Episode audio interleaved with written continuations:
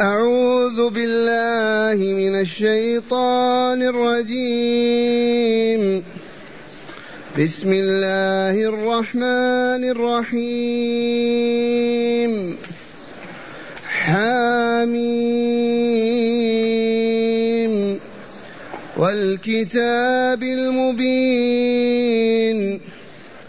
إنا جعلناه قرآنا عربيا لعلكم تعقلون. وإنه في أم الكتاب لدينا لعلي حكيم. أفنضرب عنكم الذكر صفحا أن كنتم قوما مسرفين. وكم أرسلنا من نبي في الأولين وما يأتيهم من نبي إلا كانوا به يستهزئون. فأهلكنا أشد منهم بطشا ومضى مثل الأولين. أحسنت. معاشر المستمعين والمستمعات من المؤمنين والمؤمنات. قول ربنا تعالى حاميم. هذه الحروف المقطعة. وابتدأ الله تعالى بها صورا عديده مكية ومدنية. أكثرها مكيات. أهل العلم من الصحابة والتابعين إلى اليوم يقولون الله أعلم بمراده به. طاسين حاميم كاف ها يا عين صاد. هذه الله أعلم بمراده بها. هذا الذي عليه أهل العلم من هذه الأمة. الله أعلم بمراده من هذه الحروف. ومع هذا هناك ثمرتان فائدتان جليلتان. دائما أعيد القول فيهما للمستمعين والمستمعات. الفائدة الأولى أن الله تحدى العرب المشركين بأن يأتوا مثل هذا القرآن بأن يأتوا بمثل هذا القرآن المؤلف المركب من هذه الحروف مع أن حروفهم التي ينطقون بها. اجتمعوا على أن تأتوا بمثل هذا القرآن المركب من هذه الحروف حاميم صاد عين قاف سين وهكذا. فعجزوا ما استطاعوا. الفائدة الثانية هي أنهم كانوا لا يرغبون في سماع القرآن بل كانوا يتآمرون على عدم سماعه. بل كان حاكم في مكة يصدر أمره للمواطنين ألا يصغوا ولا يستمعوا هذا القرآن. واقرأوا لذلك قول الله تعالى وقال الذين كفروا لا تسمعوا لهذا القرآن والغوا فيه لعلكم تغلبون. إذا وجدتم أبا بكر يقرأ إلا عمر صيحوا بالكلام الباطل حتى ما يسمع كلام الله. سياسة ماكرة. إذا فلما تأتي الصورة مفتتحة بحاميم عين سين قاف يضطر الكافر إلى أن يصغي ويسمع لأن هذا النغم هذا الصوت ما سمعه ما عرفه. فيضطر إلى أن يصغي ويسمع. فإذا سمع تلك آيات الكتاب ذلك الكتاب. هاتان ثمرتان فائدتان دلت عليهما هذه الفواتح لهذه الصور. أما المعنى الحقيقي حاميم الله أعلم بمراده منا. وقوله تعالى والكتاب المبين. هذا يمين الله. حلف الله جل وعز. الله يحلف إينا يحلف بما يشاء. من خلقه ومخلوقاته. الله يحلف بما يشاء.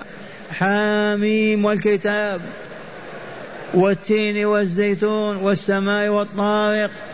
أقسم تعالى بما شاء. أقسم به وحلف. أما عبيده نحن فلم يسمح لنا أن نحلف بغيره. والله العظيم. أما هو جل جلاله وعظم سلطانه فيحلف بما شاء وحلفه له فوائده وثماره. إذا حلف بالشيء لفت النظر إلى ما فيه من الفوائد. أما عبيده وهو نحن رجالا ونساء فلا يحل لنا أن نحلف بغير الله. وهذا رسول الله صلى الله عليه وسلم على هذا المنبر الكريم يقول ألا إن الله ينهاكم ورسوله أن تحلفوا بآبائكم ومن كان حالفا فليحلف بالله أو ليصمت. والعوام والجهال والنبي والكعبة والملح الذي أكلنا والطعام الذي بيننا يجعلونها آلهة متعددة. إذ لا يحلف إلا بالرب تبارك وتعالى. فقط. أما غير الله فلا يصح الحلف به أبدا. الله أسأل أن يوفق السامعين والسامعات لهذه الحقيقة وأن يتجنبوا الحلف بغير الله. ولطيفة علمية من أصبح يجري على لسانه والنبي والكعبة. فما هو العلاج؟ وضع العلاج الطبيب صلى الله عليه وسلم. فقال لهم ومن حلف بغير الله فليقل لا إله إلا الله. هذا العلاج. جرى على نفسك قلت ورب والكعبة أو النبي قل بعدها لا إله إلا الله. إذ جرى على ألسنة العرب الحلف بغير الله باللات والعزى ومنات و والشخص عاش ستين سنة يحلف بهذه الأيمان كيف يستطيع أن ينساها ويتركها؟ ما يقدر. فوضع لهم الرسول هذا العلاج. حلفت بدون شعور بغير الله قل لا إله إلا الله هذه الحسنة تمحو تلك السيئة بإذن الله. كذلك عاشوا على القمار والعبث واللعب واللهو وخاصة في مكة أغنياء. اذا ما يصح حتى تقول تعال قامرك تعال ألعب معك بدون شعور. فمن قال هكذا قال الرسول فليتصدق بصدقة. تطهر تلك الكلمة. جرى على السعال وقامرك إذا ما قصد لكن جرت على لسانه. كفارتها التي تمحوها صدقة سواء كان دينارا أو درهما أو تمرا أو عيشا أو خبزا. أما الرب تبارك وتعالى فهو يحلف بما يشاء حلف بالقرآن الكريم لأنه أعظم كتاب أنزله الله. كتاب عظيم والكتاب المبين. والقرآن مبين لطرق السلام وسبل السعادة. مبين طرق الكفر والضلال والشقاء وجهنم. مبين لكل ما تحتاج إليه البشرية في دنياها وفي أخراها. إي والله العظيم. القرآن الكريم بين كل ما تحتاج إليه البشرية من أمور دينها ودنياها في حياتها الأولى وأخراها مبين. والذي حلف من أجله ما هو قوله إنا جعلناه قرآنا عربيا لعلكم تعقلون. إذ ما أرسل الله تعالى رسولا في أمة إلا وأنزل عليه كتابا بلسانها حتى تفهم ما يقال لها وتعمل بما تفهم. فهل لهذا جعل القرآن عربيا بلغة العرب؟ من أجل ماذا؟ رجاء أن يعقلوا كلام الله ويفهموا مراد الله فيؤمنون ويوحدون ويعبدون الله عز وجل. تلك العبادة التي تهيئهم لسعادة الدارين الدنيا والآخرة. رجاء يعقلوه ويفهموه ولهذا جعله بلسان العرب. لعلكم تعقلون. من الفاعل هذا؟ الله جل جلاله وعظم سلطانه. إنا جعلناه قرآنا عربيا لعلكم تعقلون. ثم قال تعالى وإنه أي القرآن المبين وإنه في أم الكتاب. ما هي أم الكتاب؟ اللوح المحفوظ عند الله عز وجل. ذلكم اللوح المحفوظ. هو أن الله تعالى كما بين ذلك رسوله صلى الله عليه وسلم أول ما خلق خلق القلم ثم قال اكتب. قال ماذا أكتب؟ قال اكتب كل ما هو كائن إلى يوم الدين. فالقرآن العظيم والله موجود في اللوح المحفوظ. وإنه لقرآن مجيد في لوح محفوظ في سورة البروج. وإنه في أم الكتاب لاشتملت على كل الكتب وكل الكائنات ولذا سميت بأم الكتاب. وإنه في أم الكتاب لدينا أي عند رب العزة والجلال والكمال في الملكوت الأعلى عندنا هذا الكتاب لعلي ذو شأن عالي ما يعادله كتاب آخر أبدا القرآن. لا التوراة ولا الإنجيل ولا الزبور. حكيم فيما يقود يقود إليه ويسوق إليه من الهداية. يضع كل شيء في مكانه اللائق به. موصوف بالحكمة. هذا هو القرآن الكريم. المفروض أن يجتمع عليه المؤمنون والمؤمنات في بيوتهم وبيوت ربهم كل يوم كل ليلة. لما فيه من الهدى والنور لما يعرضون عنه لما يعرض عنه الحاكمون والمسؤولون في بلاد الإسلام ولا يجتمعون عليه ولو مرة في الأسبوع ويسألون عما يحمل من الهدى فيبين لهم فيعملوا ويطبقوا. لما؟ لما الكفار البيض والسود والصفر يسمعون بالقرآن الكريم ويقرأ الآن في إذاعاتهم من أمريكا إلى الصين لما ما يسألون من أنزله كيف نزل ماذا فيه هاتوا نسمع. لما؟ الشياطين تصرفهم. وتبعدهم عن النور ليبقوا في الظلام ليعيشوا في الظلام وينتقلون إلى الظلام الأبدي في جهنم والعياذ بالله تعالى. ومن اللطائف العلمية بالأمس قرأنا أن القرآن يسمى روحا وإلا لا؟ كذلك أوحينا إليك روحا القرآن روح به الحياة بدونه موت لا حياة. القرآن نور جعلناه نورا نهدي به من نشاء من عبادنا. وتجلت هذه الحقيقة في الجزيرة. في خمس وعشرين سنة فقط وإذا بالجزيرة من اليمن جنوبا إلى الشام شمالا غربا كلهم على نور الله. خمسة وعشرين سنة. مؤمنون موحدون عابدون الله عز وجل ذاكرون شاكرون. ما سبب هذه الحياة هذه؟ بالسحر بالسيف. بماذا؟ بالسيف. والله ما بالسيف. إذ قتل المجاهدين من مؤمنين وكافرين 2500 فقط ولن يقتلونهم في ساعة واحدة. 2500 كذا سنة عشر سنوات والحرب دار بين الكافرين والمؤمنين. القتل 2500 إذا هذا القرآن العظيم هو الحياة به الحياة. عرف هذا الثالوث الأسود. من هو يا شيخ؟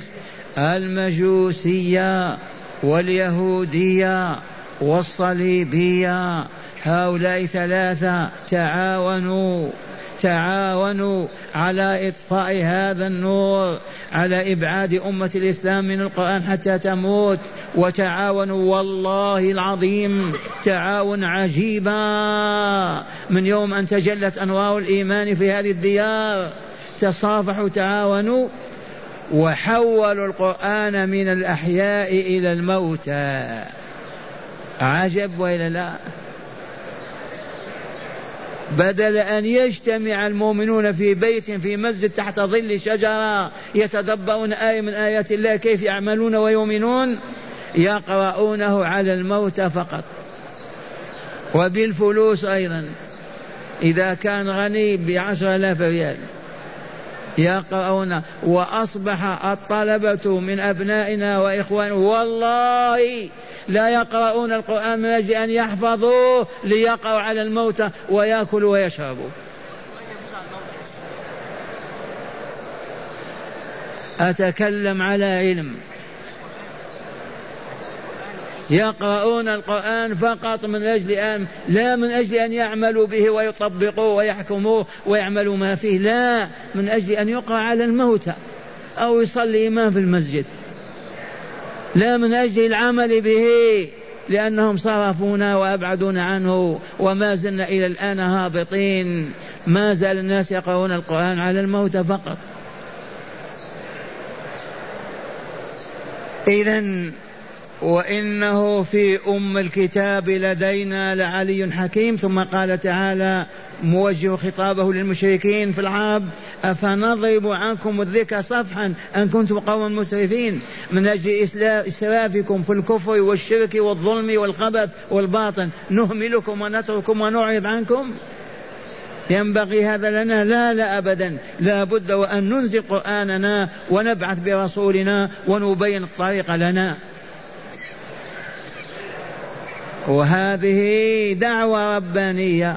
إذا كنت في قرية وهم هابطون ساخطون لا قيمة لهم عندك لا تبالي. اصبر وادعو وبين الطريق ووضح السبيل ولا تبالي. آمنوا أو لم يؤمنوا استجابوا أو لم يستجيبوا. لا تقول ما داموا معرضين فسق فجر مشركين. اتركوهم لا. واسمع قول الله تعالى افنضرب عنكم الذكر صفحا أن كنتم قوما مسرفين؟ الجواب لا لا أبدا. لا بد وأن ننزل قرآننا ونبين هدايتنا بواسطة رسولنا. فهمتم هذه الجملة الكريمة؟ أفنضرب عنكم الذكر صفحا؟ الذكر هو القرآن بما فيه من الهداية. أن كنتم قوما مسرفين؟ ما ننزل القرآن ولا نبين الطريق؟ الجواب لا لا. نحن نريد هدايتكم وسعادتكم. ثم قال تعالى وكم وكم أرسلنا من نبي في الأولين؟ كم أرسل من نبي الرسل ثلاثمائة وأربعة عشر رسولا؟ أولهم نوح وآخرهم محمد صلى الله عليه وسلم. أما الأنبياء فعشرات الألوف مئة وأربع وعشرين ألف. ولكن المراد من هؤلاء الأنبياء الرسل الذين أعطاهم الله الكتب وأنزلها عليهم. وكم أرسلنا من نبي في الأولين وما يأتيهم من نبي إلا كانوا به يستهزئون. والله العظيم. فلا تبكي يا رسول الله ولا تتألم. يا أبا بكر يا دعاة الإسلام لا تتألم ولا تكبوا كم وكم وكم أرسل الله من نبي ما أن يأتي القوم حتى يسخروا منه ويستهزئوا به ويحاولوا قتله وتدميره. هذه طبيعة البشر. ومعنى هذا أثبت يا رسولنا على دعوتك وواصلة ولا تقطعها. ولو لم يستجب ولا واحد. وصبر نعم كذا سنة ما آمن إلا ثلاث أنفار أربع أنفار. هكذا يقول تعالى مسليا لرسوله وكم أرسلنا من نبي في الأولين وما يأتيه من نبي إلا كانوا به يستهزئون. ماذا فعلنا بهم؟ فأهلكنا أشد منهم قوة أولئك المستهزئون الساخرون برسلنا أهلكنا أشد منهم قوة. عاد ما عرفت الدنيا أمة أعظم من عاد أبدا. أبادها الله. ثمود دولة الغناء والمال والسلطان وهكذا فرعون وجبروته. أهلكهم الله. وكم فأهلكنا أشد نعم. وما يأتي من نبي إلا كانوا يستهزئون. فأهلكنا أشد منهم بطشا. ومضى في هذا القرآن الكريم صفات الأولين ومثلهم. قرأناه نقرأه في كل سورة. ما من أمة يبعث الله فيها رسوله وتتكبر وتتجبر إلا وينزل بها بلاء وشقاء. إما خصف وإما مسخ وإما دمار. سبحان الله العظيم. هيا نجدد إيماننا بربنا وكتابنا. نقرأ هذا القرآن في بيوتنا في بيوت ربنا. هكذا نتدارسه لنتعلم ونهتدي لنعرف ونسمو ونكمل. لما هذا البعد؟ هيا نخزي الثالوث ونكربه. ونعود إلى القرآن ولا نقرأ على الموتى. وحينئذ يفكرون في تفكير آخر شأنهم لسنا عبيدا لهم ولا بين أيديهم وأرجلهم. والآن مع هداية الآيات. بسم الله والحمد لله والصلاة والسلام على خير خلق الله سيدنا ونبينا محمد وعلى آله وصحبه. من هداية هذه الآيات أولا مشروعية الإقسام بالله تعالى. أولا مشروعية الإقسام بالله تعالى. أي الحلف بالله تعالى كما بينت لكم مأذون لكم أن تحلفوا. ولكن لا بآبائكم ولا بنبيكم ولا بكعبتكم ولا ولا لا تحلفوا إلا بالله. ومن غلب عليه اليمين بغير الله إذا حلف قل لا إله إلا الله تمحو هذا الإثم. وخاصة إخواننا المصريين والنبي. أقول له لا يقول والنبي ما نزيد نحلف. هي هي. قل لا إله إلا الله. يقول الله إذا نجوت. نعم. آه ثانيا بيان شرف القرآن الكريم وعلو مكانته على سائر الكتب السابقة. إي نعم من هداية الآيات بيان شرف القرآن وعلو مكانته فهو أفضل كتب أنزلها الله عز وجل. أعظم من التوراة فيها ألف سورة. أعظم من الإنجيل أعظم من الزبور أعظم أعظم لأنه أعظم كتاب. ويكفي أن حلف الله به. هو الكتاب المبين. نعم. ثالثا كون الناس مسرفين في الشرك والفساد لا يم لا يمنع وعظهم ونصحهم وإرشادهم. أعيد. كون الناس مسرفين في الشرك لا يمنع نعم وعظهم ونصحهم من وإرشادهم. هداية هذه الآيات كون أهل القرية أهل الإقليم أهل البلد الجماعة أهل البيت مصرين على الباطل على الشر ما يحملون هذا على أن نتركهم ونهملهم بل نواصل دعوتهم صابرين حتى يفتح الله عليهم أو ننجو ويهلكون شأنهم. لا تقول هؤلاء فسقة هؤلاء رباويون هؤلاء خرافيون ما نتكلم معهم هذا خطأ أبدا. أما قال تعالى أفنضرب عنكم الذكر صفحا معرضين أن كنتم قوما مسرفين. مسرفين. الجواب لا لا أبدا. واصل دعوتك حتى يفتح الله على يديك أو يتوفاك داعيا مؤمنا. رابعا بيان سنة بشرية وهي أنهم ما يأتيهم من رسول إلا استهزأوا به. بيان سنة البشرية إلى اليوم ما يأتيهم من رسول إلا استهزأوا به. هيا يمشي أنت إلى بريطانيا. وادعو البريطانيين. والله يسخرون منك. امشي إلى الصين إلى اليابان إلى الروس. واجمع علماءهم ورجالهم وادعوهم يستهزئون ويسخرون. حتى ما يتبعوا الحق ولا يمشوا على طريقه. سنة الله في البشرية. نعم. وأخيرا في إهلاك الأقوى دليل على أن إهلاك من هو دونه أحرى وأولى لا سيما مع شدة كفره. هذه سنة الله. لولا أن الله واعد رسوله صلى الله عليه وسلم محمدا أن لا يهلك هذه الأمة بالهلاك الأول بالدمار والخسف لكان يهلكهم. لكن رحمة الله التي جاء بها صلى الله عليه وسلم يصيبهم بالبلاء بالجوع بالمرض بكذا بالدمار لكن بالخراب الكامل آمنون منه. وإن كان في هذه الأيام بعض علماء الغرب يتطلعون إلى دمار عجيب سيأتي بسبب خسف الأرض وإلا نزول شيء من السماء. والله نسأل العافية أن يتوفنا قبل ذلك.